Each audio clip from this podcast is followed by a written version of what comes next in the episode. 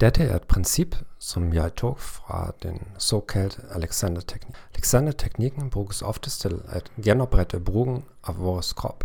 Det er mest populært blant profesjonelle musikere, skuespillere og sportsfolk. De fleste av våre fysiske lidelser kommer fra dårlige vaner i våre bevegelser og vår kroppsholdning.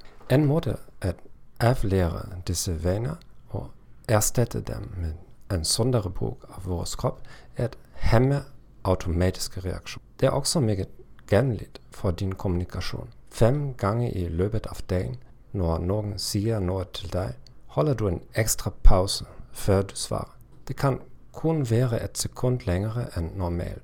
I løpet av det sekund prøv å komme med alternative reaksjoner. Med tiden vil du utvikle en frihet til bevisst å velge hvordan du reagerer.